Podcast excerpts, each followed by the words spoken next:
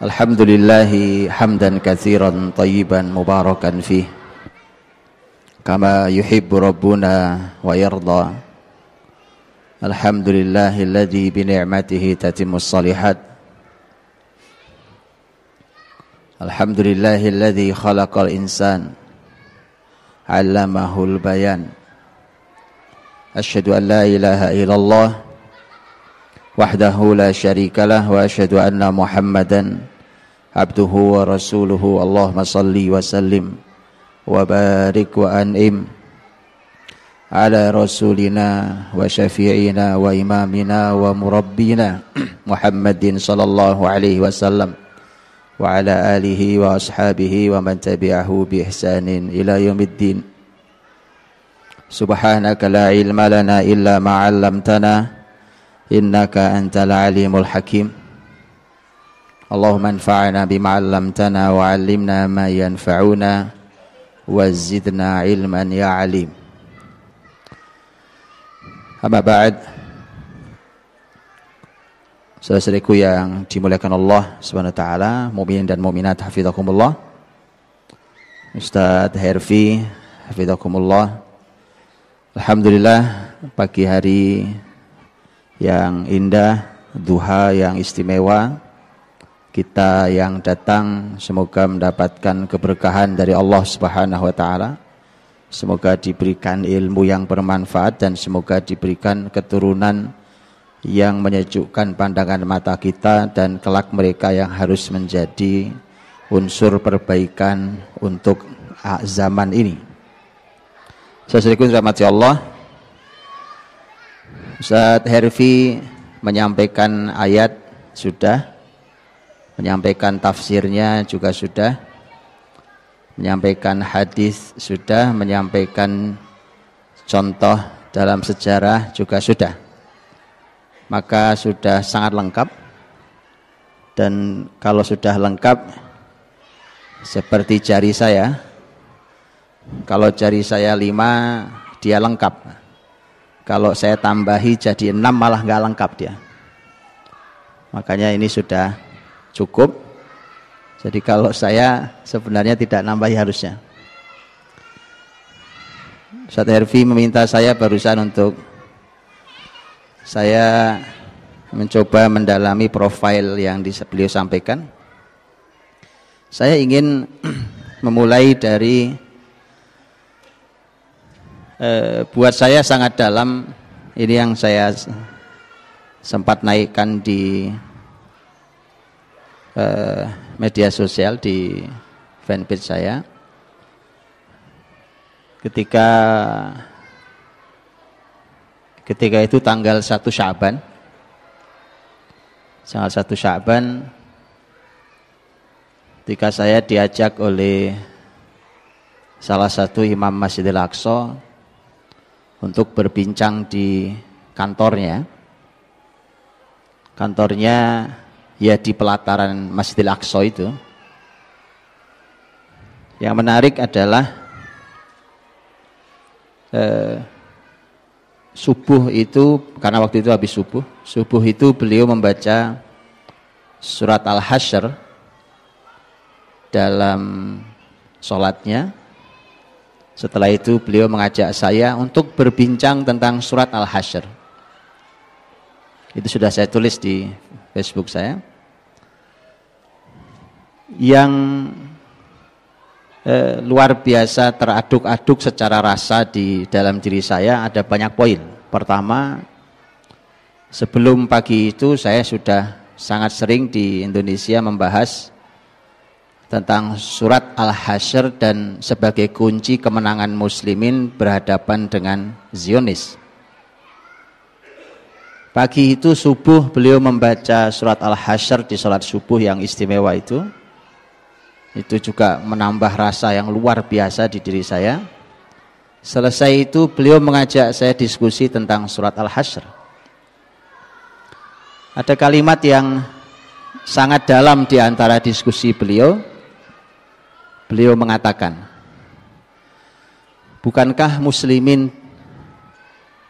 di awal-awal surat Al-Hasyr disebut sebagai ulil absor Fa'tabiru ya ulil absar. Ayat yang kedua. Maka ambillah ibrah wahai orang-orang yang memiliki absar. Absar itu pandangan. Kata al-basar itu pandangan.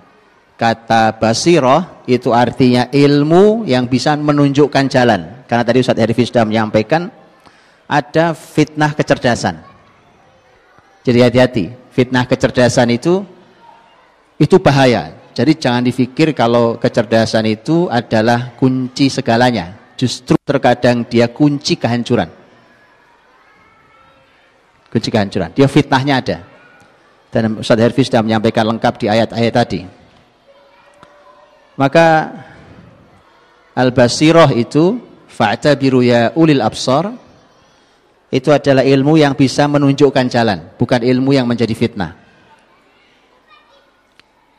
E, kemudian dia juga bermakna ilmu, teori, analisa, pandangan, mana ul absar. Kata beliau, bukankah Allah memberikan sifat kepada orang beriman kepada kita dengan ulil absar? Dan di surat yang sama Allah memberikan sifat kepada Yahudi di ayat 13 dan 14-nya di mana Allah menyampaikan zalika bi annahum qaumul la yafqahun zalika bi annahum qaumul la ya'qilun Orang-orang Yahudi itu adalah kaum yang tidak fakih, layaf kohun, dan kaum yang tidak berakal. Kemudian beliau kasih garis besar. Ditebalkan garisnya yang beliau katakan. Terus bagaimana ceritanya? Kaum yang disebut olil absor dikalahkan hari ini oleh kaum yang disebut la yafqahun dan la ya'qilun. Itu saking kebangetannya kita hari ini, Pak. Jadi beliau cuma berhenti sampai titik tadi sebagai sebuah poin yang sangat keras menghantam saya padahal saya ngaji Al-Hasyr sudah lama, Pak. Begitulah Quran. Quran itu bertemu dengan ahli siapa pun selalu ada yang baru. Mata airnya selalu keluar dengan jernih. Tidak ada yang tidak baru. Selalu keluar baru. Antum boleh ngaji tafsir apa pun. Setiap zaman surat yang sama, surat yang sama, ayat yang sama memberikan inspirasi yang berbeda. Beliau hanya menyampaikan bagaimana ceritanya bisa kalah. Dah selesai sampai di situ dan itu renungan yang sangat dahsyat. Saya sampai sekarang tidak hilang suasana hati itu, Pak. Bayangkan di pelataran Masjidil Aqsa live melihat dan antum kalau ke Aqsa e, bisa melihat bagaimana Yahudi begitu paranoid dengan menenteng senjata berat lengkap yang laki yang perempuan di semua pintu-pintu Aqsa. Eh, sehingga terasa sangat dalam diskusi itu. Saya hanya berpikir bahwa alangkah sangat amat buruk kita keadaan kita hari ini. Yahudi sudah Allah berikan sifat dan itu sifat Qurani, sifat yang diberikan Quran tidak akan berubah sampai akhir zaman. Tidak akan pernah berubah. Surat Al-Hasyr itu bertutur tentang Yahudi di zaman Nabi. Karena surat Al-Hasyr itu oleh Abdullah bin Abbas, mufassir kalangan sahabat. Beliau mengatakan surat Al-Hasyr disebut juga sebagai surat Bani Nadir, yaitu Yahudi Bani Nadir. Maka bicara Yahudi zaman Rasul. Umat ini, umat Nabi Muhammad ini disebut Allah sebagai ulil absor. Mereka disebut sebagai Kaum ya dan la yaqilun. Jadi bangsa yang tidak fakih, bangsa yang tidak berakal kok sampai bisa mengalahkan kita itu dikarenakan saking buruknya keadaan kita. Kita-kita ini, saya dan kita semua hari ini begitu buruk keadaan kita hari ini. Jadi ulil absor itu sudah lepas dari diri kita. Dari diri umat ini sudah hilang. Kalau itu kembali, Yahudi kalah lagi. Jadi simpel kota kuncinya. Maka antum harus menggali tentang semua kata yang terkandung di kata ulil absar. Fa'tabiru ya ulil absar. Pembahasan kita hari ini saya ingin masuk dari situ. Karena kalau babnya cuma otak yang brilian, itu gak menarik, Pak. Otak kalau cuma cerdas, itu tidak menarik. Ustaz Herfi sudah jelaskan tadi. Dan satu lagi, karena otak yang cerdas, tes IQ-nya tinggi, tidak pernah menjamin keberhasilan. Urusan dunia, apalagi akhirat. Nah, sudah teruji itu kalau itu. Karenanya banyak orang-orang dengan IQ tinggi juga tidak berbuat apa-apa. Tidak berkarya apa-apa walaupun dia merupakan anugerah yang luar biasa karena kecerdasan kemampuan berpikir kemampuan menghafal itu sesuatu yang luar biasa. Dan Quran Rasul punya bahasa sendiri. Syariat ini punya bahasa sendiri. Punya cara sendiri untuk menganalisa kecerdasan itu. Persis seperti saya Hervi sampaikan.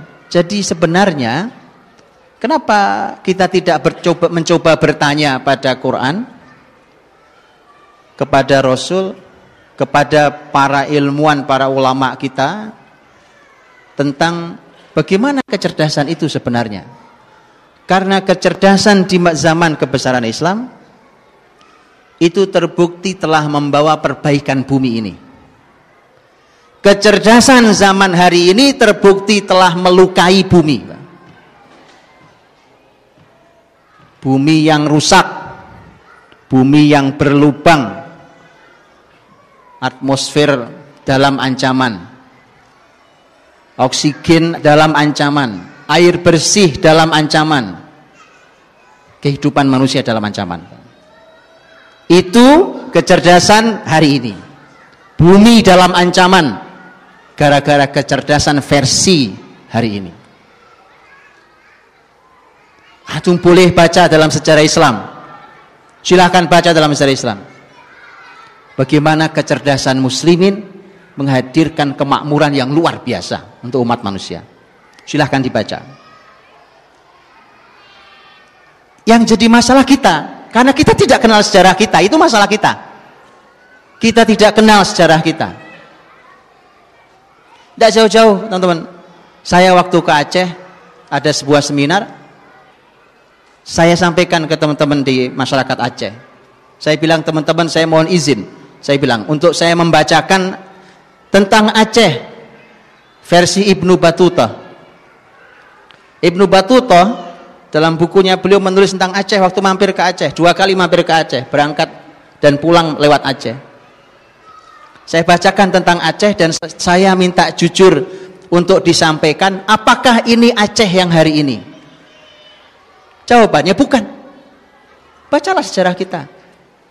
Hingga negeri ini, bacalah kemakmurannya, bacalah kehebatannya, bacalah keberaniannya, bacalah ilmunya, bacalah kecintaan mereka pada ulama, bacalah jihad mereka, bacalah kemenangan mereka di atas musuh-musuhnya.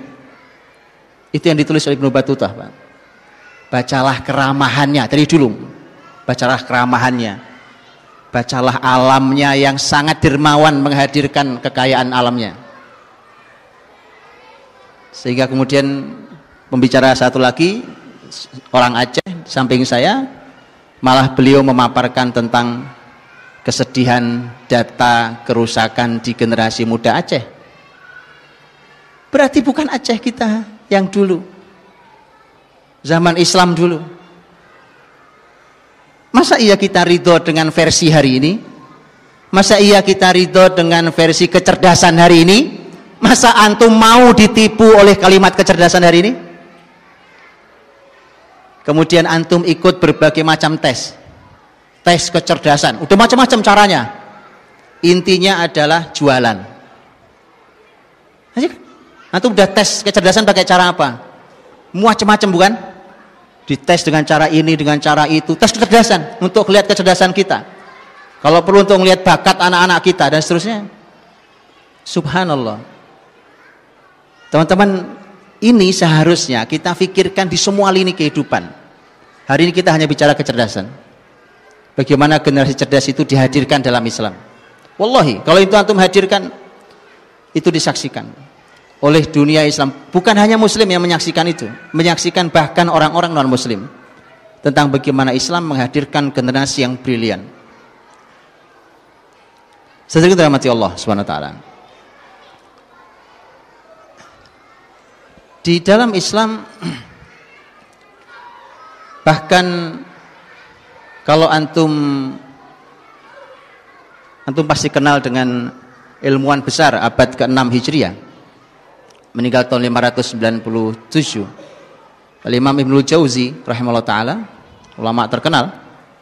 Ibnu Jauzi itu orang cerdas, Pak. Ini orang cerdas banget ya. Orang cerdas yang beliau sendiri yang bercerita tentang dirinya di beberapa bukunya tentang kenangannya waktu masih kecil. Beliau meninggal itu meninggalkan lebih dari 400 kitab. 400 karya, buku. Dan karya ulama dulu bukan karya kita hari ini. Karya kita hari ini cuma tebel halamannya itu ngejar pasar. Kalau diperes sebenarnya dia seperti kerupuk kena air. Anda tahu kerupuk? Besar. Coba kasih air, asli cuma segitu cuma digoreng jadi lebar persis sama buku kita tuh cuma buku gorengan digedein isinya nggak ada pak mohon maaf saya karena ada di antara kita yang cuma copy paste copy paste dari berbagai macam buku dikumpulin jadi satu dijual lagi diganti covernya. Yang jujur tolong yang jujur pak. Pada diri sendiri dan tolong umat ini jangan diberikan lagi kebohongan-kebohongan. Tolong yang jujur pak. Umat ini tidak kunjung baik karena ilmuannya tidak jujur. Ilmuannya tidak jujur Pak. Cacat di ilmuannya cacat di umat ini orang-orang cerdasnya tidak jujur dengan dirinya apalagi dengan Allah subhanahu ta'ala Ibnu Jauzi meninggalkan kitab silahkan dibuka kalau antum tahu kitabnya silahkan buka lebih dari 400 kitab di berbagai bidang ilmu puluhan ribu bahkan ratusan ribu orang masuk Islam di tangan beliau Entah sudah berapa orang yang kita sadarkan dan kita syahadatkan di tangan kita hari ini. Lihat bagaimana orang dengan karya sebesar itu. Orang luar biasa cerdasnya. Beliau nulis buku. Di antara buku yang beliau tulis adalah Akhbarul Azkiya. Berita tentang orang-orang cerdas. Ada bukunya sudah, Pak. Masalahnya kita ini belajar sama orang kafir itu aja loh. Saya sering bilang kita ini gampang silau terpukau oleh orang kafir. Ulama sudah ninggalin kitab, Pak. Abad 6, beliau wafat tahun 597 sudah wafat. Sekarang 1439, kitabnya masih ada. Antum sekarang buka di web, antum download juga dapat. Cuma karena kitab tidak pernah belajar dari ulama kita. Saya sudah sangat sering sampaikan ini kita ini tidak paham, tidak mengerti ulama kita, tapi kagum dengan ilmuwan kafir. Selalu di semua ilmu begitu. Silahkan dibuka, Pak. Kitabul Adkiya karya Imam Ibnu Jauzi rahimahullah taala. Nanti saya bacakan beberapa riwayatnya. Dan beliau menyampaikan tentang teori kecerdasan, ya Pak. Dan sebagiannya harus diuji. Ini kan kalimat manusia mungkin benar mungkin salah tapi ini ulama jangan salah silakan diuji karena di antaranya beliau menyampaikan tentang kecerdasan dilihat dari postur tubuh nah, saya nggak tahu itu ilmunya karena saya nggak ngerti cuma baca saja tapi apakah ini benar silakan diuji oleh ilmu antum antum yang mengerti tentang ilmu fisik postur tubuh dan hubungannya dengan kecerdasan silakan diuji buka kitab ulama mereka menantang Anda semuanya. Jangan jadi orang yang tidur, Pak. Umat umat ini umat ini perlu perlu keseriusan antum. Antum melek tiap hari saja. Umat ini belum kunjung baik. Bagaimana kalau tidur terus, ya kan? Siapa? Ibnu Jauzi menyampaikan tentang teori kecerdasan. Tentu dengan versi ulama dulu yang bahasanya tidak pernah panjang-panjang. Tapi kandungan bahasanya dia perlu digali dengan berbagai penelitian ilmiah hari ini. Apalagi di dalam buku itu beliau sebenarnya banyak menyampaikan riwayat sebagaimana gaya ilmuwan abad itu.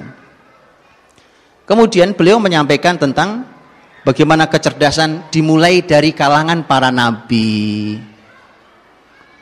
Ayo sekarang kita bicara Pak. Asal kita bicara kecerdasan, siapa yang kebayang? Yang jujur. Jujur sama saya. Saya bilang orang paling cerdas. Coba. Yang jujur.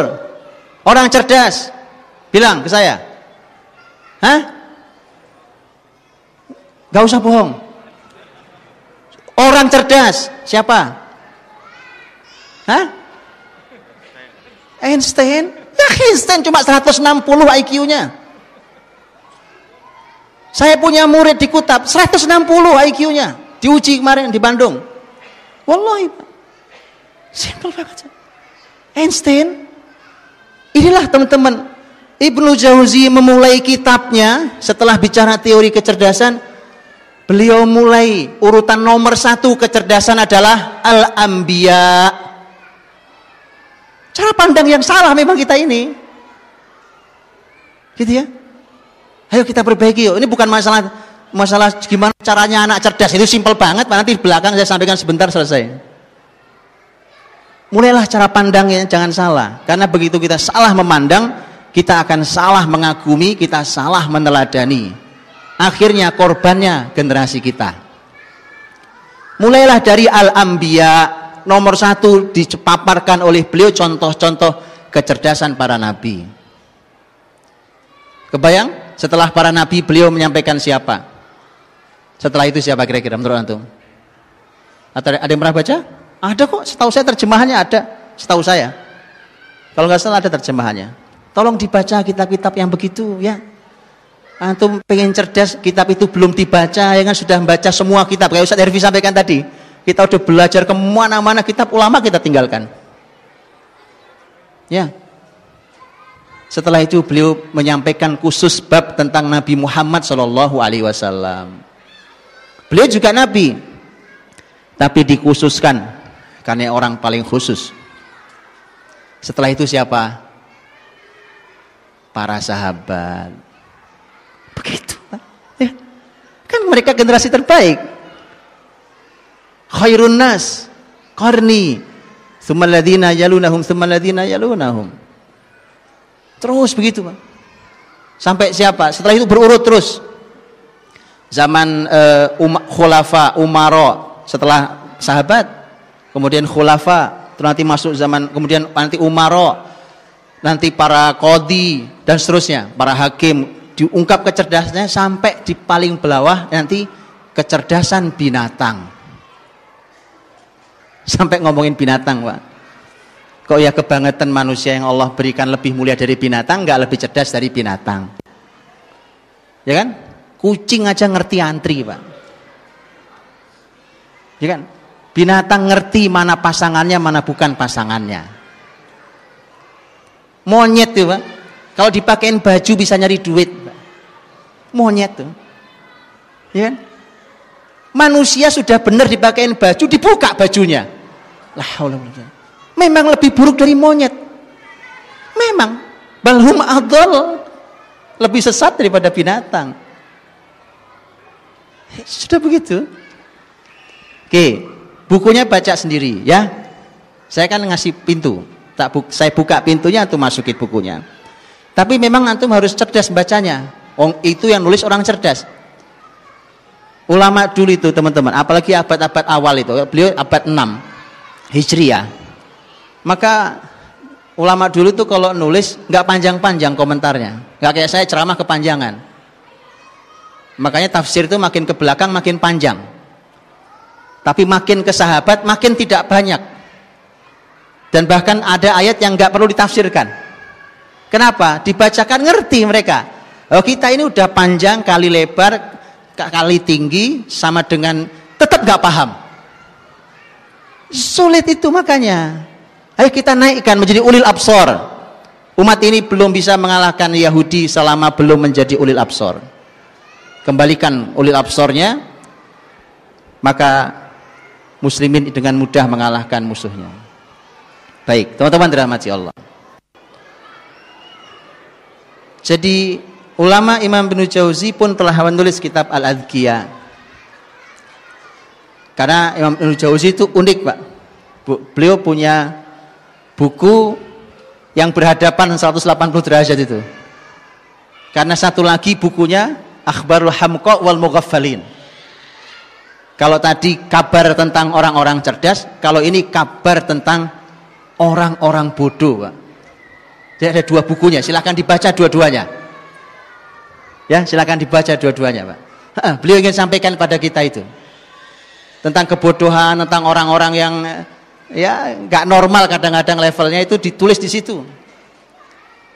Kalau antum baca kitab Akhbar Hamqa Umugafalin, kalau antum baca kitab Adkiya, antum akan terkagum-kagum dengan kecerdasan. Tapi kalau antum baca kitab Akhbar Habqa Al-Mughafali, antum akan ketawa-tawa sendiri, Pak. Nah, itu yang saya sebut di dalam dalam uh, dulu para ulama itu kalau sudah capek capek belajar ilmu, mereka baca kitab-kitab yang jenisnya begini. Kenapa? Karena lucu-lucu. Jadi ngelucu tapi pakai sanat. Sekarang ngelucu menjatuhkan martabat orang lain, menghina bapaknya sendiri, menjatuhkan ibunya sendiri, berbohong. Kemudian dengan itu dia dapat uang. Haram hukum uangnya. Gimana ceritanya? Kemudian dilombakan orang pengen seperti itu juga. Subhanallah. Jadi makanya betul-betul bukan ulil absor. Bukan ulil absor, Pak. Atau lihat, Pak, Ibnu Jauzi nulis itu memang begitu. Termasuk kitab tadi kabar tentang orang-orang bodoh itu Pak. Baik, pembahasan kita bukan orang bodoh hari ini. Ini orang-orang cerdas. Teman-teman Allah. Ada yang ingin saya masuki ayat dulu sebelum nanti kita bicara tentang profil juga. Ketika Allah menyampaikan tentang orang Yahudi, kalau muslimin tadi ulil absor, tentang orang Yahudi itu pembahasannya adalah al-fiqh dzalika bi annahum qaumul la yafqahun mereka kaum yang tidak fakih dan yang kedua la yaqilun yang tidak berakal teman-teman tahu apa bedanya uh, fakih la yafqahun dengan la yaqilun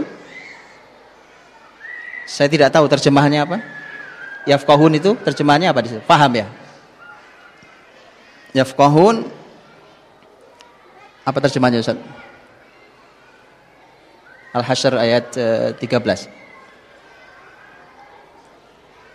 Yafqahun dan yaqilun dan itu cacatnya Yahudi, Pak. Jadi mereka ini kisah tentang Yahudi sejak zaman Nabi, Nabi Muhammad SAW. Mereka tidak yafqahun, mereka tidak fakih dan layak akilun tidak berakal. Nanti saya sampaikan bedanya. Tapi apa artinya? Tidak mengerti. Tidak mengerti. Terjemahnya tidak mengerti. Layaf kohun tidak mengerti. Kalau layak akilunnya? Sama, Sama juga. Tidak mengerti juga. Oh, berarti kita nggak ngerti baca terjemahan, Pak. Bagaimana ceritanya? Kata layaf kohun dengan layak kilun artinya sama. Tapi Masya Allah, jazallah khair pada penerjemah-penerjemah yang luar biasa. Karena beliau-beliau berjasa dan berpahala besar untuk kita. Tapi begitulah keterbatasan bahasa. Ya, keterbatasan bahasa itu ya begitu. Nanti saya tunjukkan pentingnya antum belajar bahasa Arab di belakang, Pak. Kalau antum mau cerdas, belajar bahasa Arab. Nanti saya tunjukkan di belakang, babnya di belakang, insya Allah. Kalau enggak, nanti ingetin saya. Kata fiqh la yafqahun. Al fiqh ini karakter Yahudi supaya antum paham dan antum harus beda, supaya menang harus beda. Al fiqhu kata fiqh itu artinya adalah pemahaman yang dalam. Karena ada yang kalau Anda ngobrol sama orang ditanya, "Anda paham?" "Paham, paham, paham, paham." Begitu didalami, "Oh, ternyata kamu nggak paham." Karena pemahamannya dangkal, Pak di pemahaman yang sadar. Al fiqhu makanya ada ada ilmu fikih Antum tidak akan bisa belajar fikih kalau tidak paham yang dalam. Harus paham dalam baru bisa masuk ke kitab fikih, Pak. Kitab fikih itu perlu pemahaman sangat dalam sampai namanya fikih. Dulu ilmu akidah namanya juga fikih. Disebutnya sebagai al-fiqhul akbar. Fikih yang paling besar itu akidah. Jadi ilmu Islam ini karakternya fikih. Nah sekarang antum tahu kuncinya supaya orang jadi cerdas? Gampang Pak, belajar ilmu syariat. Dari mulai akidah terus sampai fikihnya. Cerdas pasti. Jaminan kalau itu. Kenapa? Karena fikih dan Yahudi tidak punya itu. Muslimin yang punya itu. Namanya saja fikih. Ah, kalau didalami secara bahasa, fik, kata fikih ini unik lagi, Pak. Karena fikih itu kan huruf fa, huruf kof, dan huruf ha. Ya kan? Fa, fa, kof, dan ha. Ini termasuk kata yang cara membacanya sulasiat. Sulasiyah itu artinya ada tiga cara membaca. Karena di dalam bahasa Arab itu biasanya satu kata cara membacanya satu. Tapi ini termasuk kata yang unik yang cara membacanya tiga. Karena kata ini akar akarnya bisa dibaca fa koha, fa kiha, fa kuha. Apa beda? Beda. Beda Pak. Jadi dalam bahasa Arab itu teman-teman itu kenapa bahasa itu bikin cerdas bahasa Arab itu? Oh iya, bahasa itu cerdas itu karena itu. Beda cuma a i u beda arti. Fakoha dengan fakiha dengan fakuha beda artinya. Kalau antum hubungkan dengan hadis Nabi ya, lihat hadis Nabi. Ini kisah hijrah yang hari ini banyak ditebarkan mudah-mudahan tidak salah jalan lagi. Karena saya tahu iblis tidak pernah ridho dengan itu. Hijrah, hijrah, hijrah, pembahasan hijrah di mana-mana. Saya berdoa mudah-mudahan Allah bimbing. Karena kalau tidak, iblis tahu di perempatan mana dia tunggu orang yang hijrah itu. Dibelokin lagi sama iblis. Hati-hati. Nabi mengatakan tentang orang-orang yang berhijrah. Kalimat Nabi SAW, khairuk khiyarukum fil jahiliyati khiyarukum fil Islam idza faquhu. Orang terbaik di antara kalian waktu jahiliyah, jahiliyah top orang pemimpin, orang pinter, orang yang disegani waktu jahiliyah dia tetap akan menjadi orang hebat dalam Islam. Kalau dia mau hijrah, dalam Islam tetap orang hebat. Syaratnya satu. Ida fakuhu. Nah, di situ fakih itu.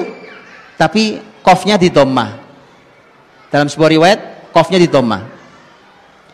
Itu kalau antum tanya, kenapa tidak fakihu?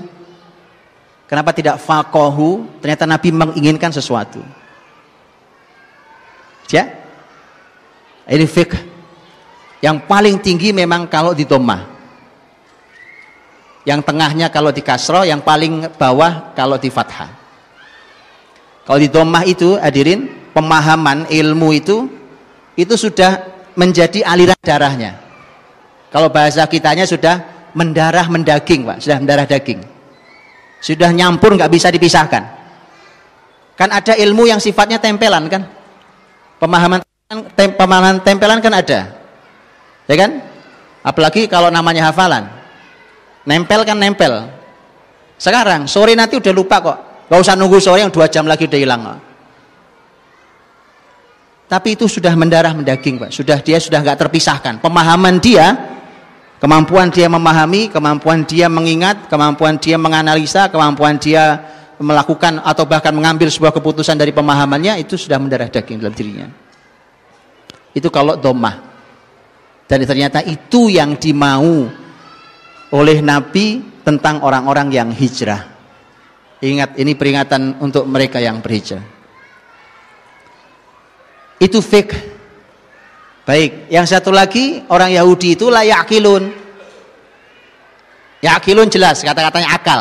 Aklun akal. Cuma saya mau nanya, akal itu apa artinya? Akal kira-kira artinya apa Pak? Akal bahasa apa ya? Bahasa Indonesia? Bahasa Indonesia ngambil dari bahasa Arab. Aklun, akil, dan tidak bisa kita terjemahkan. Akil, ya akil. Akal-akal. Bahasa kita akal, ya akal. Betul ya? Jadi mudah dipahami. Cuma ketahuilah apa arti aslinya. Kata ya'qilun dari kata ain, ada ain, ada qaf, ada lam. Kata aqala Bapak Ibu tahu orang Arab pakai sini? Pakai apa nama ini? Kalau pakai eh, kutroh itu, simak itu dia ada yang melingkar di atas kepalanya, betul? Itu namanya ikol. Ikol. Ain qaf lam sama akad. Bapak Ibu kenapa namanya ikol? Karena ikol itu artinya dia asli artinya untuk ngikat, Pak. Karena dulu sebenarnya ini buat ngikat onta. Zaman orang Arab dulu kalau mereka punya onta, ontanya diparkir supaya nggak ke mana-mana, itu ada pengikat itu, diikatkan di, di kakinya. Jadi kaki onta yang duduk ini diikatkan di situ. Dimasukkan plek sehingga ontanya nggak bisa berdiri. Nah, nanti kalau sudah waktunya selesai jam parkirnya, dia pergi, itu diambil ditaruh di kepalanya nah, baru dia pergi itu sejarahnya ikol jadi antum-antum suka pakai itu sebenarnya aslinya punya onta ya? Hari ini jadi pakaian kebanggaan orang Arab. Itu aslinya dulu punyanya onta ya jadi kalau antum tahu sejarahnya enak sebenarnya. Makainya pun juga antum tahu. Iya ini punya onta minjem ya kan? Dari sini ikol karena dia ngikat. Aklun dia ngikat. Atahakala ternyata juga dia eh, nanti ada beberapa kata yang dipakai dalam Quran. Karena di Quran ada ulil absor ada ulil ulil albab ada ulin nuha betul ya? Itu semua berhubungan dengan kecerdasan. Tapi yang harus dalami satu-satu. Dan akal kemudian nuha itu ternyata memiliki makna bahwa selain kalau akal selain mengikat nuha ternyata dia punya makna dia punya kemampuan untuk untuk menahan. Betul? Diikat sehingga dia nahan. Kemampuan menahan itu artinya ilmu yang kita miliki dia harus punya kemampuan menahan diri kita Menahan itu bisa mendile sesaat, mendile saat, bisa menghentikan sama sekali.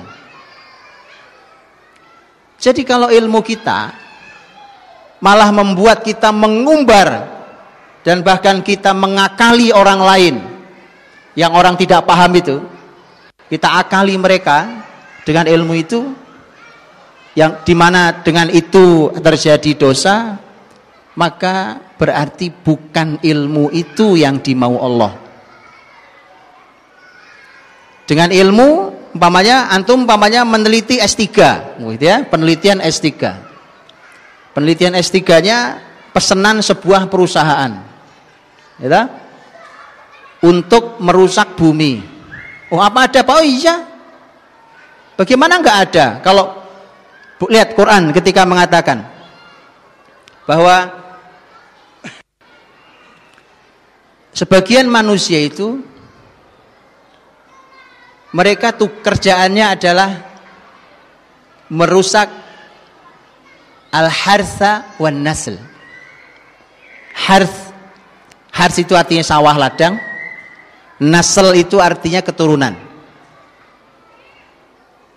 Tafsir para ulama kata keturunan banyak yang menafsirkannya malah binatang ternak. Coba sekarang lihat, gara-gara rekayasa ilmiah, rusaklah tanaman, rusaklah binatang ternak. Kambing kayak babi, babi kayak kambing. Jadi sebenarnya kambing atau babi? Boleh dimakan apa tidak boleh dimakan? Kalau kambing berkahnya luar biasa, kalau kalau babi haram. Nah, terus gimana? Gara-gara ilmu pengetahuan. Ilmu pengetahuan tanaman sama tanaman masya Allah barokahnya. Ini ditanam berbuah bisa ditanam lagi berbuah ditanam lagi. Nggak bisa sekarang. Ditanam berbuah berhenti. Kenapa? Karena anda harus beli bibitnya ke pabrik bibit. Harus bagaimana ceritanya? Untuk itulah teman-teman. Maka ini kata ya'kilun itu Allah menginginkan kepada kita agar ilmu ini bisa punya kemampuan menghentikan diri kita. Dia mampu mendile atau bahkan menghentikannya. Baik. Landasan ini cuma pembuka. Teman-teman harus membahas lebih detail tentang apa yang dimau tentang kecerdasan dalam Al-Quran. Kemudian nanti Nabi berbicara tentang masalah kecerdasan juga. Rasul menyampaikan itu. Para sahabat juga menyampaikan hal itu. Generasi salafus soleh dulu juga menyampaikannya pemaparan tentang bagaimana dalam sejarah orang-orang di dalam Islam kecerdasan luar biasa itu itu sesuatu yang sebenarnya saya sudah sering sampaikan dalam banyak hal contohnya saking banyaknya Anda mau contoh di zaman mana pun ada mau contoh di bidang apa pun ada dan itu merupakan keistimewaan muslimin saya berikan beberapa contoh untuk nanti saya lari pada ujungnya berujung pada zaman Turki Utsmani saya ingin berikan beberapa contohnya, Pak. Kalau berbicara tentang sahabat Rasul radhiyallahu anhu majmain. Itu Masya Allah teman-teman. Ada orang-orang yang memang lahir sudah pinter. Jadi memang memang ini bawaan. Ya, orang bilang ini bawaan lahir, Pak. Kok kamu pinter? Iya, bawaan lahir, Mas. Gitu, Pak. Jadi memang ada orang-orang cerdas bawaan lahir, Pak. Itu memang nggak bisa bodoh memang. Memang gak bisa bodoh, memang pinter terus dia. Bahkan dia berkarya dengan hal itu. Di antara orang yang luar biasa, bahkan disebut paling luar biasa untuk urusan kecerdasan, antum perlu pelajari biografinya. Adalah sahabat mulia Amr bin As anhu. Yang itu cerdasnya orang itu luar biasa, makanya beliau dicacat oleh orientalis. Dicacat Pak, nanti begitu ngomong Amr bin As, bahasanya oh itu orang yang licik itu itu. Nah itu. Wal billah itu. Mereka tanggung jawab dengan kalimatnya di hadapan Allah Subhanahu taala nanti berhadapan dengan Amr bin As di akhirat. Radhiyallahu anhu pada Nabi memuji Amr bin As luar biasa dulu masyarakat terbaik dulu mengatakan adhadu hatil arab orang paling cerdas di kalangan orang Arab itu tentu ini kita tidak bicara Nabi Muhammad ya Orang paling cerdas di kalangan orang Arab itu ada empat. Tadi saya sudah bilang yang satu Amr bin As. Yang kedua Muawiyah, nah, sama ini. Ini sahabat yang juga dizolimi oleh luar oleh sejarah luar biasa, oleh orang-orang yang tidak bertanggung jawab. Muawiyah radhiyallahu anhu. Yang ketiga Mughirah bin Syu'bah radhiyallahu anhu. Yang keempat Ziyad ibnu Abi ini tabiin, kibarut tabiin. Empat pak. Oke, empat ini mana yang sudah antum baca biografinya? Enggak empat-empatnya. Tapi antum tahu instin kan? Antum tahu instin ya? Apa kita bicara instin saja hari ini? Subhanallah. Ini yang tiga sahabat, yang satu tabiin. Ada hatil Arab.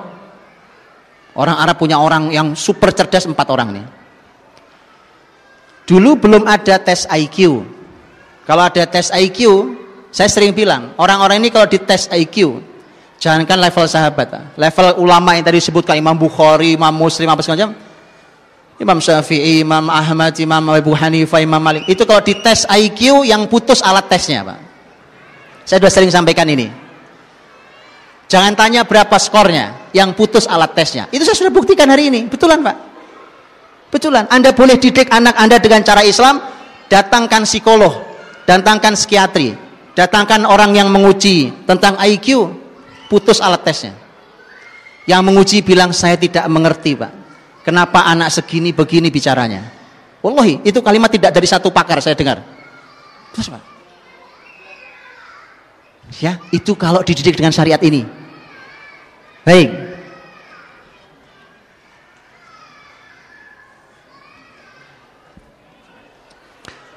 Jadi hadil Arab ada sebuah ceramah bagus dari seorang seorang ahli ilmu. Beliau mengatakan eh, ini keempat-empatnya orang berkarya luar biasa. Amr bin As, eh maaf, Muawiyah adalah anhu itu orang sangat cerdas bahkan eh, ini Muawiyah ini teman-teman dulu sudah sudah di apa dulu ya masa jahiliyah dulu waktu masih masa jahiliyah Muawiyah lahir itu sudah masyarakat orang-orang sudah bilang ini calon pemimpin Arab ibunya marah kok Loh, anak didoain kayak gitu ibunya masih marah. Celakalah anakku ini kalau cuma jadi pemimpin Arab. Coba. Antum harus belajar kadang-kadang sama orang jahiliyah, Pak. Loh karena ibunya nanti Masya Allah kan Antum tahu ibunya Sahabat nanti mulia Jadi ibunya nggak ridho kalau anaknya cuma jadi raja Arab Celakalah dia kalau cuma jadi raja Arab. Dia akan jadi pemimpin seluruh manusia. Terbukti apa tidak terbukti? Terbukti. Yang dia pimpin bukan cuma orang Arab. 20 tahun jadi menteri, 20 tahun jadi khalifah. Coba ada orang kayak begitu, Pak. Dan 20 tahun di masa dia ketenangan muslimin kembali setelah sebelum setelah sebelumnya kurang lebih 10 tahun muslimin dalam guncangan di internalnya. Segitu kuat hebatnya. Jadi uh, dia dikenal dengan kepemimpinan yang luar biasa itu dan dikenal dengan al-hilm. Hilm itu uh, orang sekuat itu biasanya kalau ada orang ngelawan itu langsung bunuh dia, penggal dia, penjara dia gitu. Kalau dia enggak, Pak. Muawiyah dikenal dengan al-hilm. Hilm itu orang berbuat jahat pada dia tapi dia balas dengan kebaikan. Itu Muawiyah. Mau ada pemimpin kayak gitu gimana nggak dicintai ya kan? Udah disakiti dikirimi hadiah. Enak Pak. Amr bin As radhiyallahu anhu dikenal sebagai orang yang cerdas yang yang spesialisasinya adalah menyelesaikan al-mu'dilat. Mu'dilat itu artinya masalah-masalah yang super rumit yang tidak bisa diselesaikan oleh orang, -orang cerdas. Nah itu harus Amr bin As yang ambil alih. Itu. Antum tahu ketika terjadi uh, taun amwas di masa Umar bin Khattab. Taun uh, Masya Allah taun itu orang kena taun wabah penyakit waktu itu di Amwas. Amwas itu di wilayah Palestina. Ketika menyebar itu pagi sakit sore meninggal, sore sakit pagi meninggal, Pak. Cepat sekali itu sampai korban begitu banyaknya.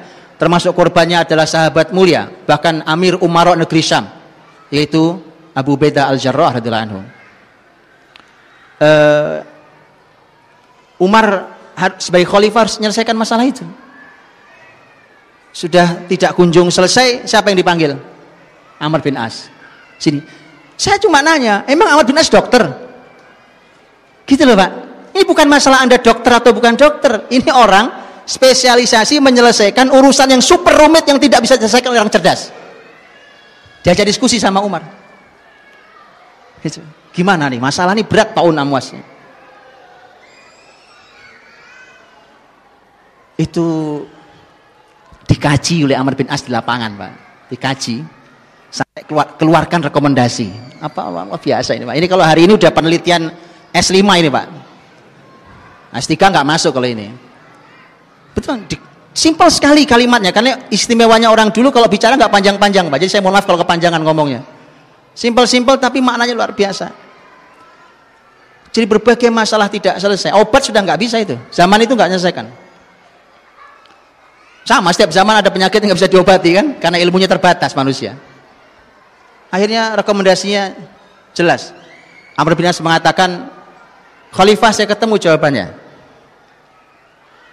Tentu pertama dia harus karantina, bahasa kita karantina. Makanya orang yang dari luar Amwas tidak boleh masuk ke situ, orang yang dari dalam nggak boleh keluar. Jadi karantina masalahnya. Tapi yang paling penting kata Amr bin As, saya melihat penyebaran itu luar biasa, penyakit itu terjadi luar biasa ketika orang kumpul-kumpul. Nah, penyebaran. Maka saya meminta mereka untuk berpisah. Itu keputusannya, berpisah. Itu berpisah, Pak. Jadi bahasa simpel-simpel zaman dulu tapi luar biasa. Maka ada yang pergi ke sana, pergi ke lembah, masuk ke gunung sana, masuk pisah. Masyarakat ini harus pisah. Itu hanya hitungan hari selesai urusannya. Masalah berat, Pak. Itu spesialisasi Amr bin As. Jadi antum harus belajar dari Amr bin As tentang masalah itu. Itu orang secerdas Umar. Umar orang cerdas sekali, Pak. Nabi sampai mimpi tentang ilmunya Umar, saking hebatnya Umar ya, radhiyallahu anhu. Nah, itu Umar itu sudah kalau dengan Amr bin As itu sudah masya Allah, Pak. Begitu akrab dan dekatnya. Sampai Umar mengatakan Amr bin As ini orang yang bumi mana pun dia pijak layaknya jadi pemimpin. Jadi ada orang yang memang tidak pantas jadi rakyat. Gitu ya? Makanya tolong sadar diri. Kalau kelasnya rakyat jangan mimpin, gitu loh Pak. Tolong sadar diri.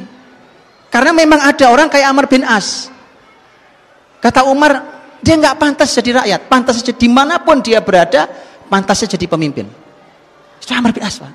Nah, itu kalimat jujur dari Khalifah Amirul Mukminin, Khalifah Adil Umar bin Khattab radhiyallahu Umar pernah dikerjain sama Amr bin As Pak.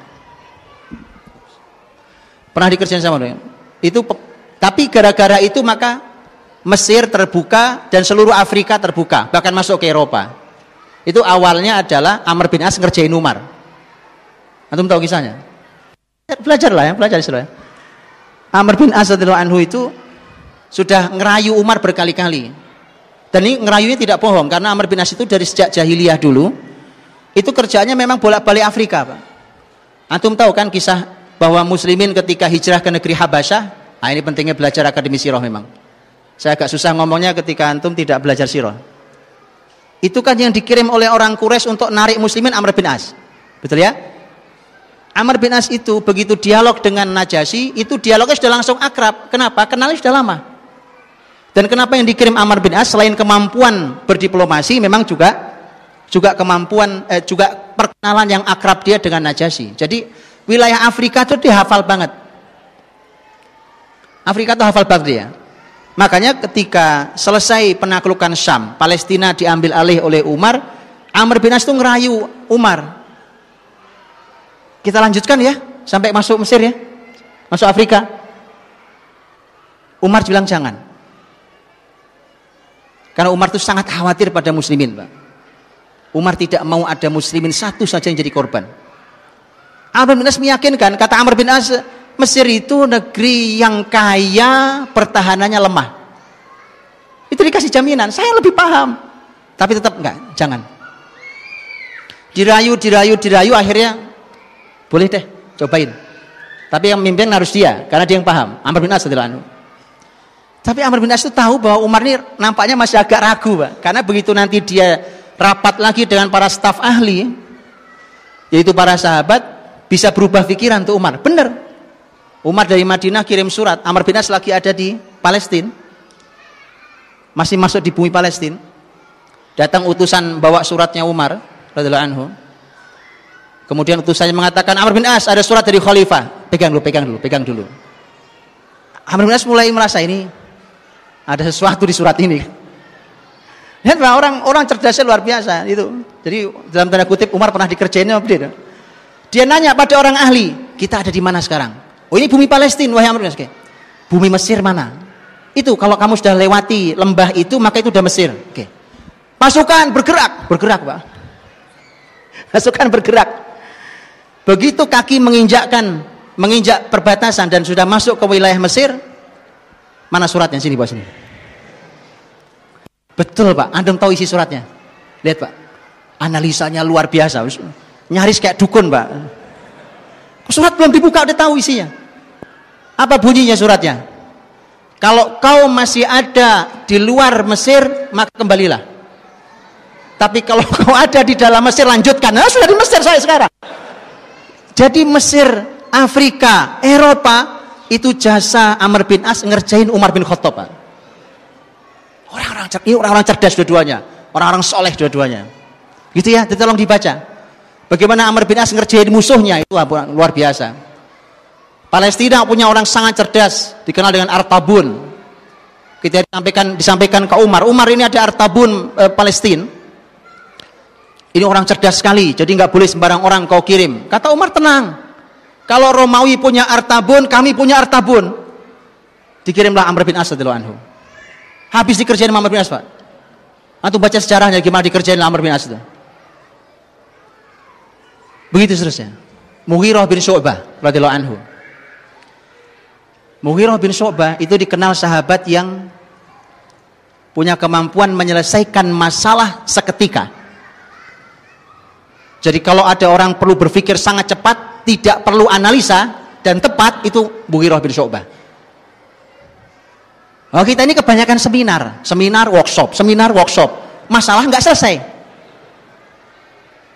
Gitu ya? Itu gara-gara kebanyakan orang-orang yang sedang diskusi. Mughirah bin Syu'bah datang masalah seketika diputuskan. Apalagi kalau masalah-masalah genting yang seketika harus diputuskan itu jagonya Mughirah bin Syu'bah. Radhiyallahu anhu. Gitu Pak, itu isinya itu orang-orang kayak gitu ya. Itu Islam itu isinya sahabat kenapa hebat mimpin bumi itu isinya orang-orang kayak gitu.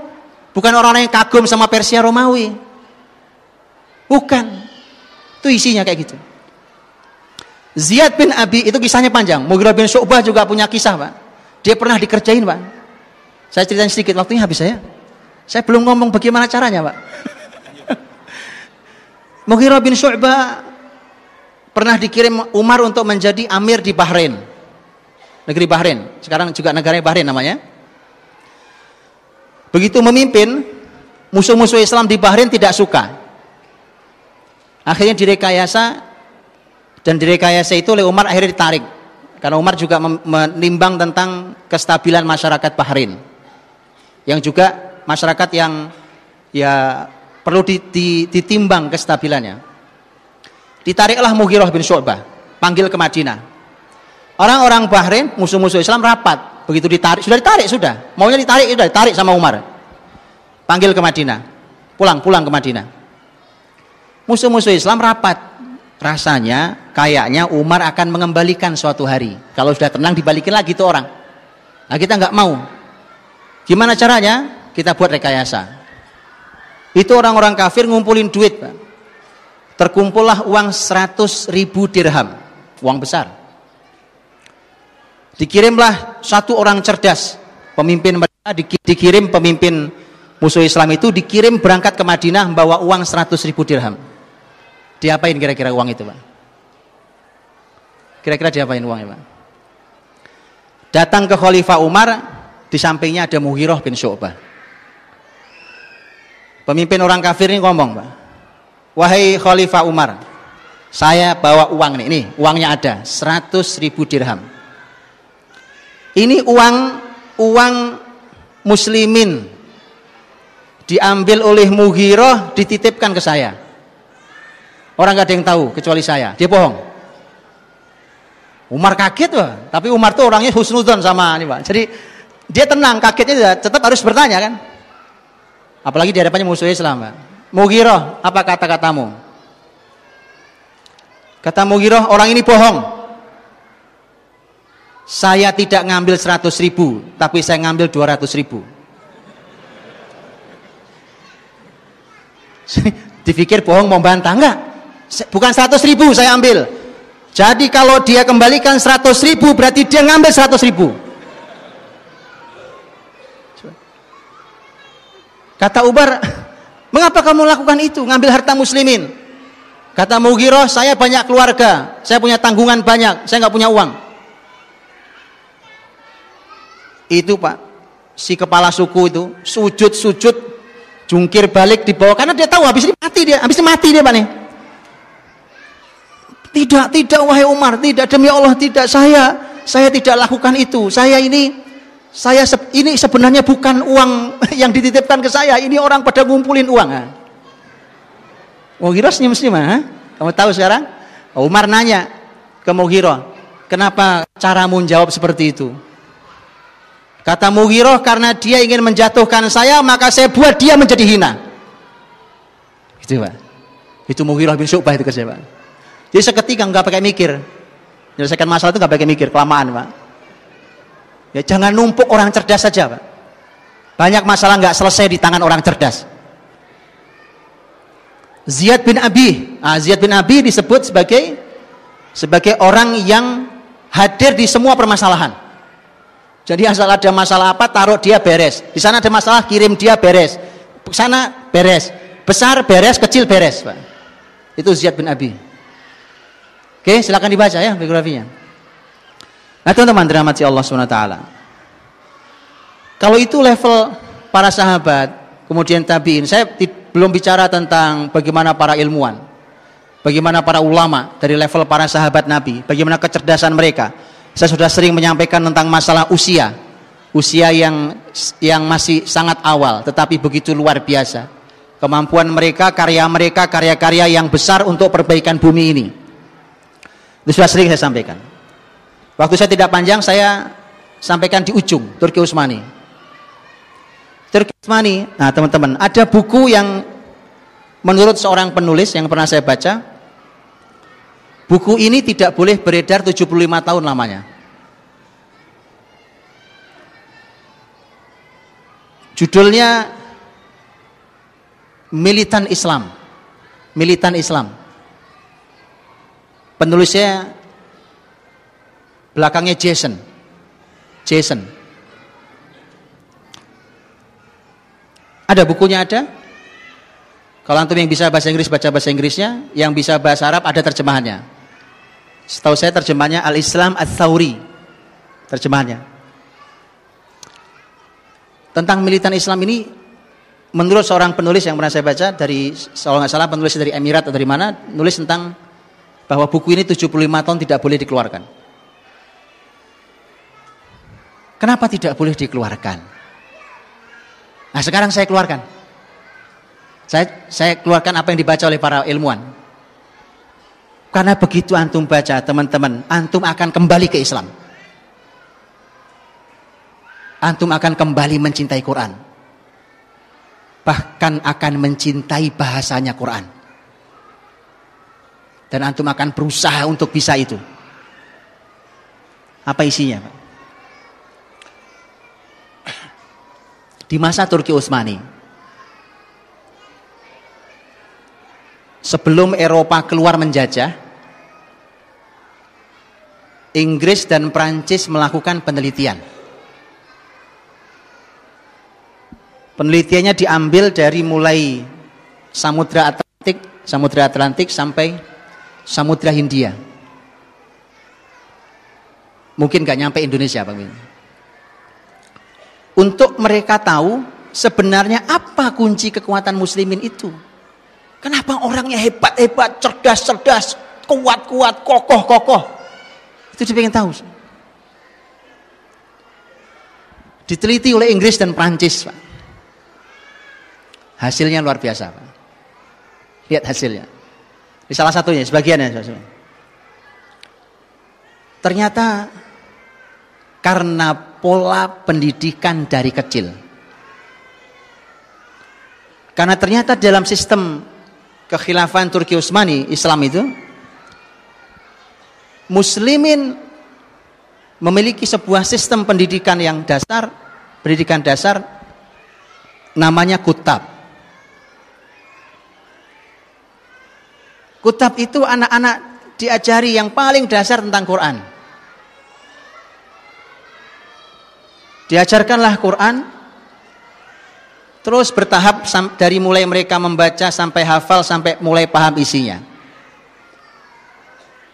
Setelah itu mereka belajar bahasa Arab, bahkan mereka mulai menghafal kaidah-kaidah dalam dalam bahasa Arab, dalam grammar Arab. Di antara yang mereka hafal adalah Alfiyah Ibnu Malik.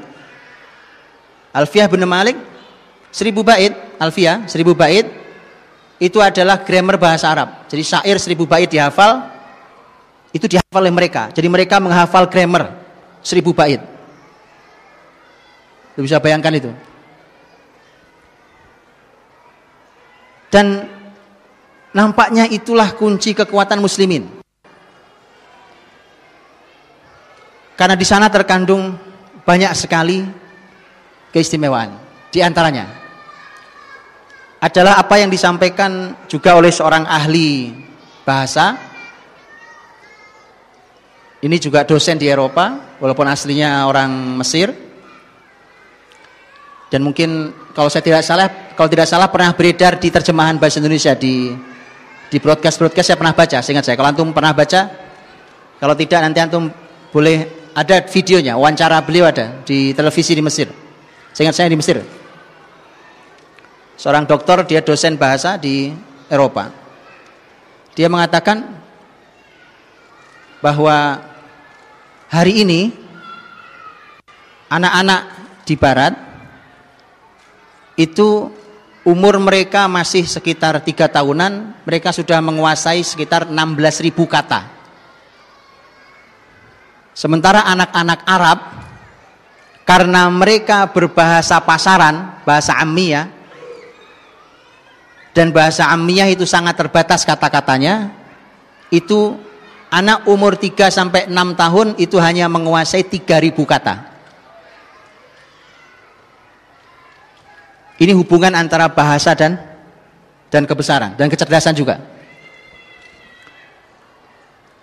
Kemudian dia mengatakan, ini dia katakan bahwa di muslimin dengan penelitian buku tadi itu, dia menyebutkan buku itu, Muslimin itu ternyata punya kekuatan di Quran dan di Arab, bahasa Arab. Quran itu disebutkan memiliki lebih dari 77 ribu kata. Jadi kalau 16 ribu lewat Pak.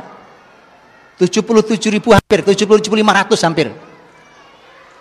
Kata. Belum bahasa Arabnya. Belum dia kuasai grammar Arab tadi. Sehingga itulah yang disimpulkan oleh penelitian tadi bahwa ternyata ini kekuatan muslimin itu. Nah, terus bagaimana caranya supaya mereka bisa menjajah? Maka perlahan tapi pasti dua hal ini harus dihilangkan. Apa itu? Quran dan bahasa Arab. Maka Prancis dan Inggris punya madhab yang berbeda. Kalau yang Inggris yang Inggris membuat jenjang. Sekolah-sekolah yang kutab itu, yang belajar bahasa Arab, belajar Quran, macam-macam itu, itu diimagekan di masyarakat, tetap ada, tapi diimagekan di masyarakat saat itu, ini untuk kelas orang-orang miskin. Pernah apa tidak? Indonesia mengalami bahwa yang sekolah agama itu anak-anak yang bodoh-bodoh. Pernah? Itu Pak. Pesantren itu tempatnya orang buangan. Pernah? Pernah. Indonesia pernah punya itu. Wah nyantri, wah pasti kamu nggak diterima sekolah negeri ya. Kamu nyantri berarti nggak terima sekolah favorit ya. Alhamdulillah hari sudah berubah. Maka ini kebangkitan Pak. Ini kebangkitan nih. Ini harus dilanjutkan ini. Tapi hati-hati iblis ada di perempatan jalan di depan. Oke? Okay? Kemudian dibuatlah kelas tengahnya, ini versi Inggris. Dibuatlah kelas tengahnya. Kelas tengahnya itu dibuatlah sekolah-sekolah negara. Sekolah-sekolah negara dibuat dan itu untuk ekonomi menengah. Ya kan? Makanya sampai kalau sampai hari ini mohon maaf ini belum hilang sampai sekarang. Sekolah menentukan tingkat perekonomian. Betul ya? Di mana kamu sekolah? Di sini. Oh, pas kamu orang kaya ya. Gitu ya? ya. Itu masih pola Inggris, Pak. Yang level tinggi adalah international school. Masih ada sampai hari ini? Image itu masih ada? Eh berarti belum bangkit kalau gitu. Belum, saya tarik lagi kalimat saya. Belum bangkit kalau gitu.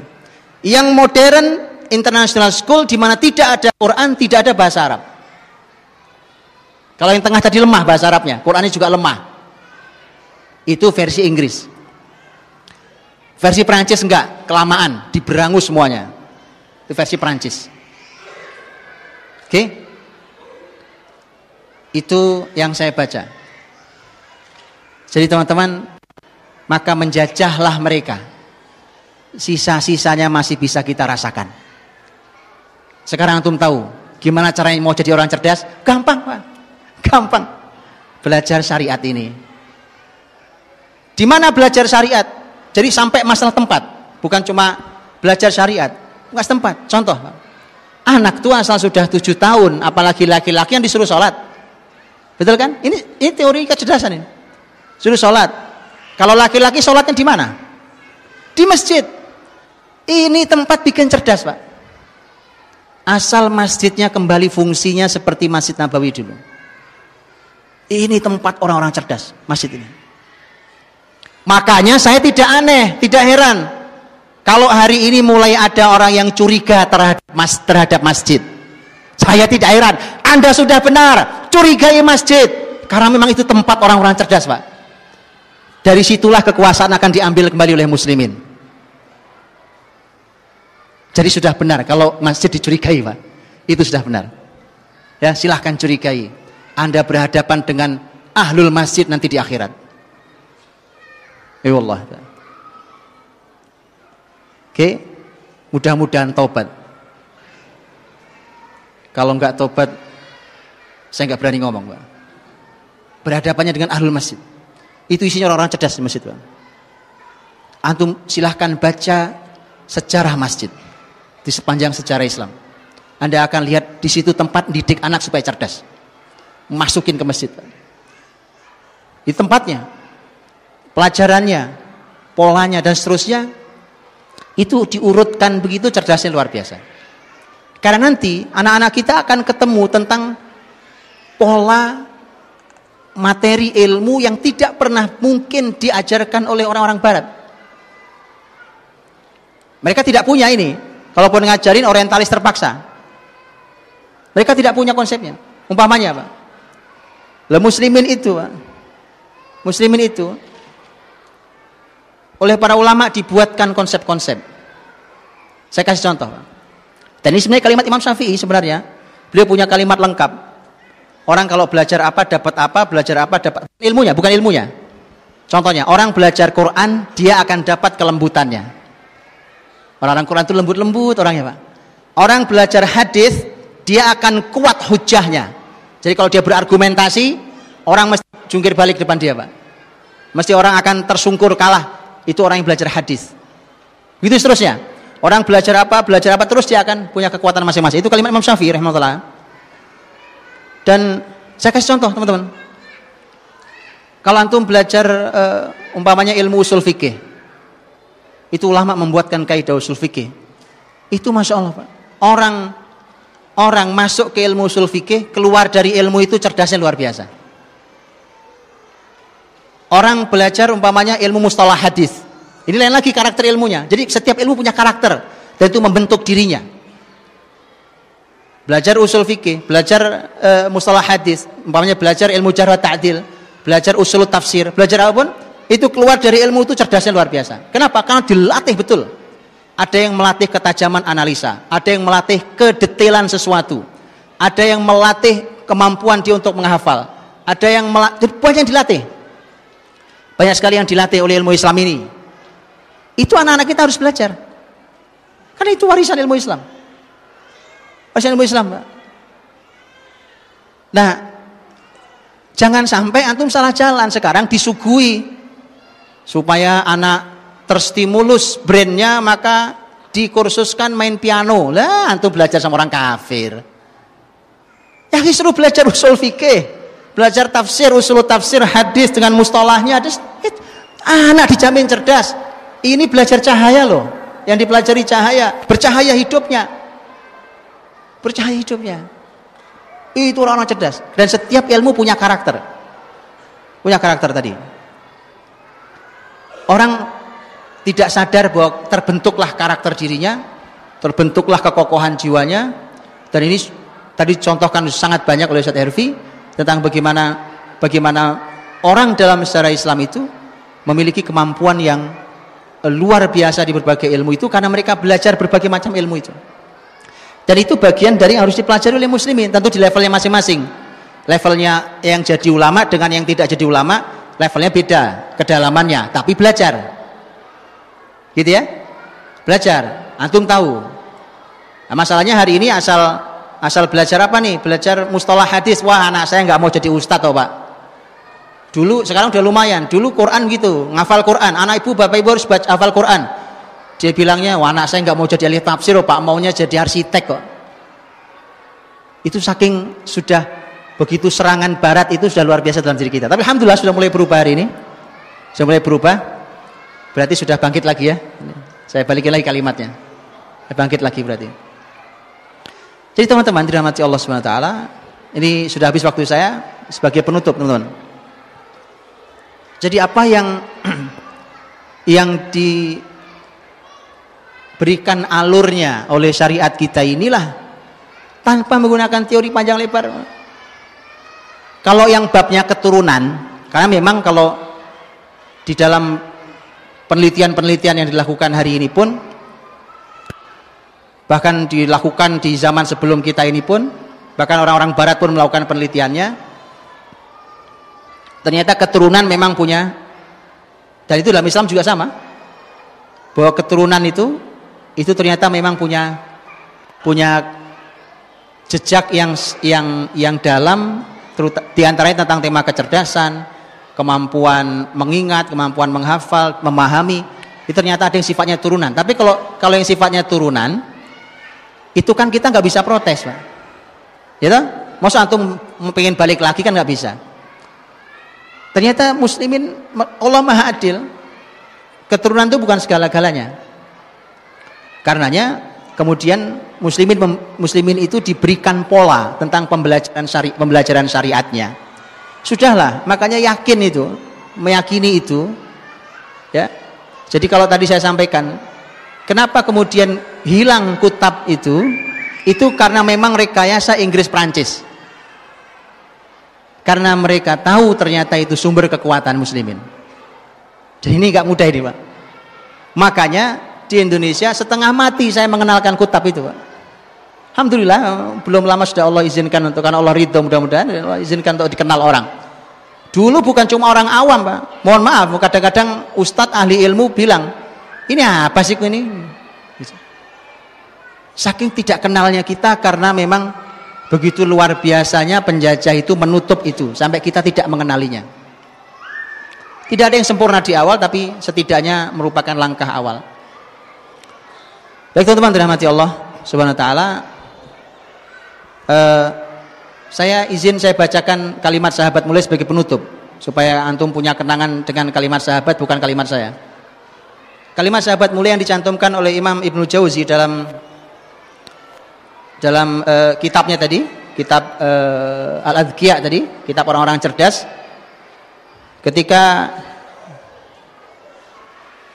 sahabat sahabat mulia Abu Darda Abu Darda radhiyallahu anhu menyampaikan tentang tanda orang-orang yang berakal. Abu Darda berkata, Qala Abu Darda, Jadi Abu Darda berkata, Beliau mengatakan bahwa maukah saya sampaikan tentang alamatil aqil. Tandanya orang berakal. Tadi salah satu modal untuk mengalahkan Yahudi berakal. Kata Abu Darda radhiyallahu anhu, yatawadha' liman fauqahu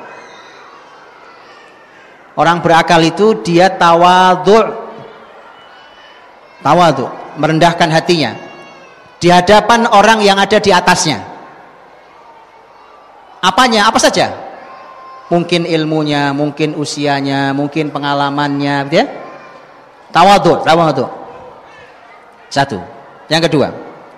Wala yazdari man dunahu tidak meremehkan yang ada di bawahnya. Yang lebih kecil ilmunya lebih sedikit itu tidak diremehkan. Tidak diremehkan tidak dijatuhkan tidak. Itu orang berakal.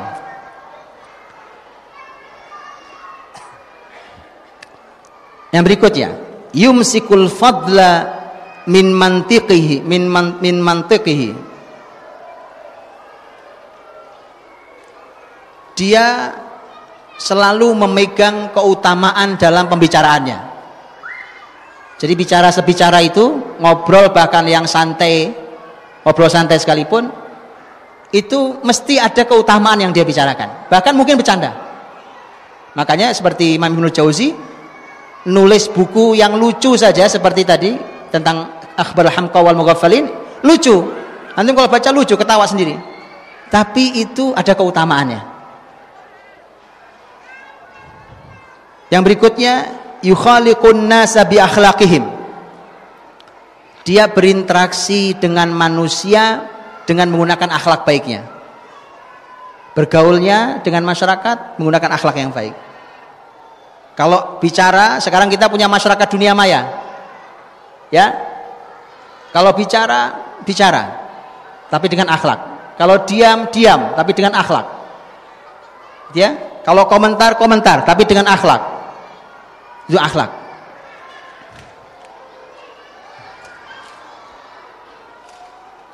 Wa yahtazizul imana fima bainahu wa baina rabbih azza wa Dan dia memastikan ada iman antara dia antara dia dan Robnya Allah Subhanahu Wa Taala.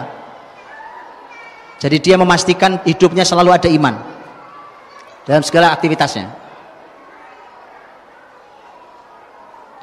Fahuwa yamshi fid dunya fahuwa yamshi bid dunya bit taqiyyati wal kitman. Dia berjalan di dunia ini dengan ketakwaannya tapi tersembunyi. Takwaan tapi tersembunyi. Ini saya sering sampaikan teman-teman ya. Bahwa hari ini tuh kita kok nggak punya sesuatu yang disembunyikan gitu loh. Padahal menyembunyikan sesuatu itu pada pada hal yang benar itu itu ajaran Nabi loh. Itu ajaran Nabi loh dan ajaran sahabat loh. Kita semua sekarang diupdate statusnya makan mie goreng diupdate statusnya, lagi nangis diupdate statusnya, lagi gelisah diupdate. Saya sudah sering sampaikan, mohon berhenti. Saya sudah bilang berhenti, berhenti, berhenti. Saya sudah sering bilang itu. Kan itu kaidah orang-orang cerdas. Ya, baik, itu kalimatnya. Eh, kalimatnya sahabat mulia Abu Darda radhiallahu anhu tentang tanda orang-orang cerdas. Nanti riwayat di bawahnya PR buat antum antum baca bukunya karena di bawahnya ada riwayatnya Wahab bin Munabbih yang menyampaikan kalimatnya Luqman Luqman itu sudah sampai pada level Al-Hakim Allah berikan hikmah Walaqad atayna Luqmanal hikmah kalau hikmah hikmah hikmah itu teman-teman itu lebih tinggi dari ilmu karena kalau ilmu yang Allah berikan sedikit. Wa ma utitum minal ilmi illa qalila. Yang diberikan pada kalian dari ilmu itu cuma sedikit kata Allah. Tapi kalau diberikan hikmah, Allah menyampaikan wa man yu'tal hikmata faqad utiya khairan katsira. Siapa yang diberi hikmah sungguh telah diberikan kebaikan yang banyak. Jadi ada PR lagi nanti. Begitu jadi ilmuwan harus menjadi ahli hikmah. Ah, gimana caranya perlu dikaji lagi. Nah, Luqmanul Hakim itu sampai sudah sampai level hikmah. Beliau nanti menyampaikan di poinnya, beliau menyampaikan bahwa menasihati anaknya, ya bunayya mayatim wa aqlu mri'in hatta yakuna fihi asyru khisal. Wahai anakku, seseorang tidak akan tidak akan sampai sempurna akalnya sampai dia punya 10 sifat. 10 sifat antum baca sendiri di bukunya. Saya kira itu. Wassalamualaikum warahmatullahi wabarakatuh.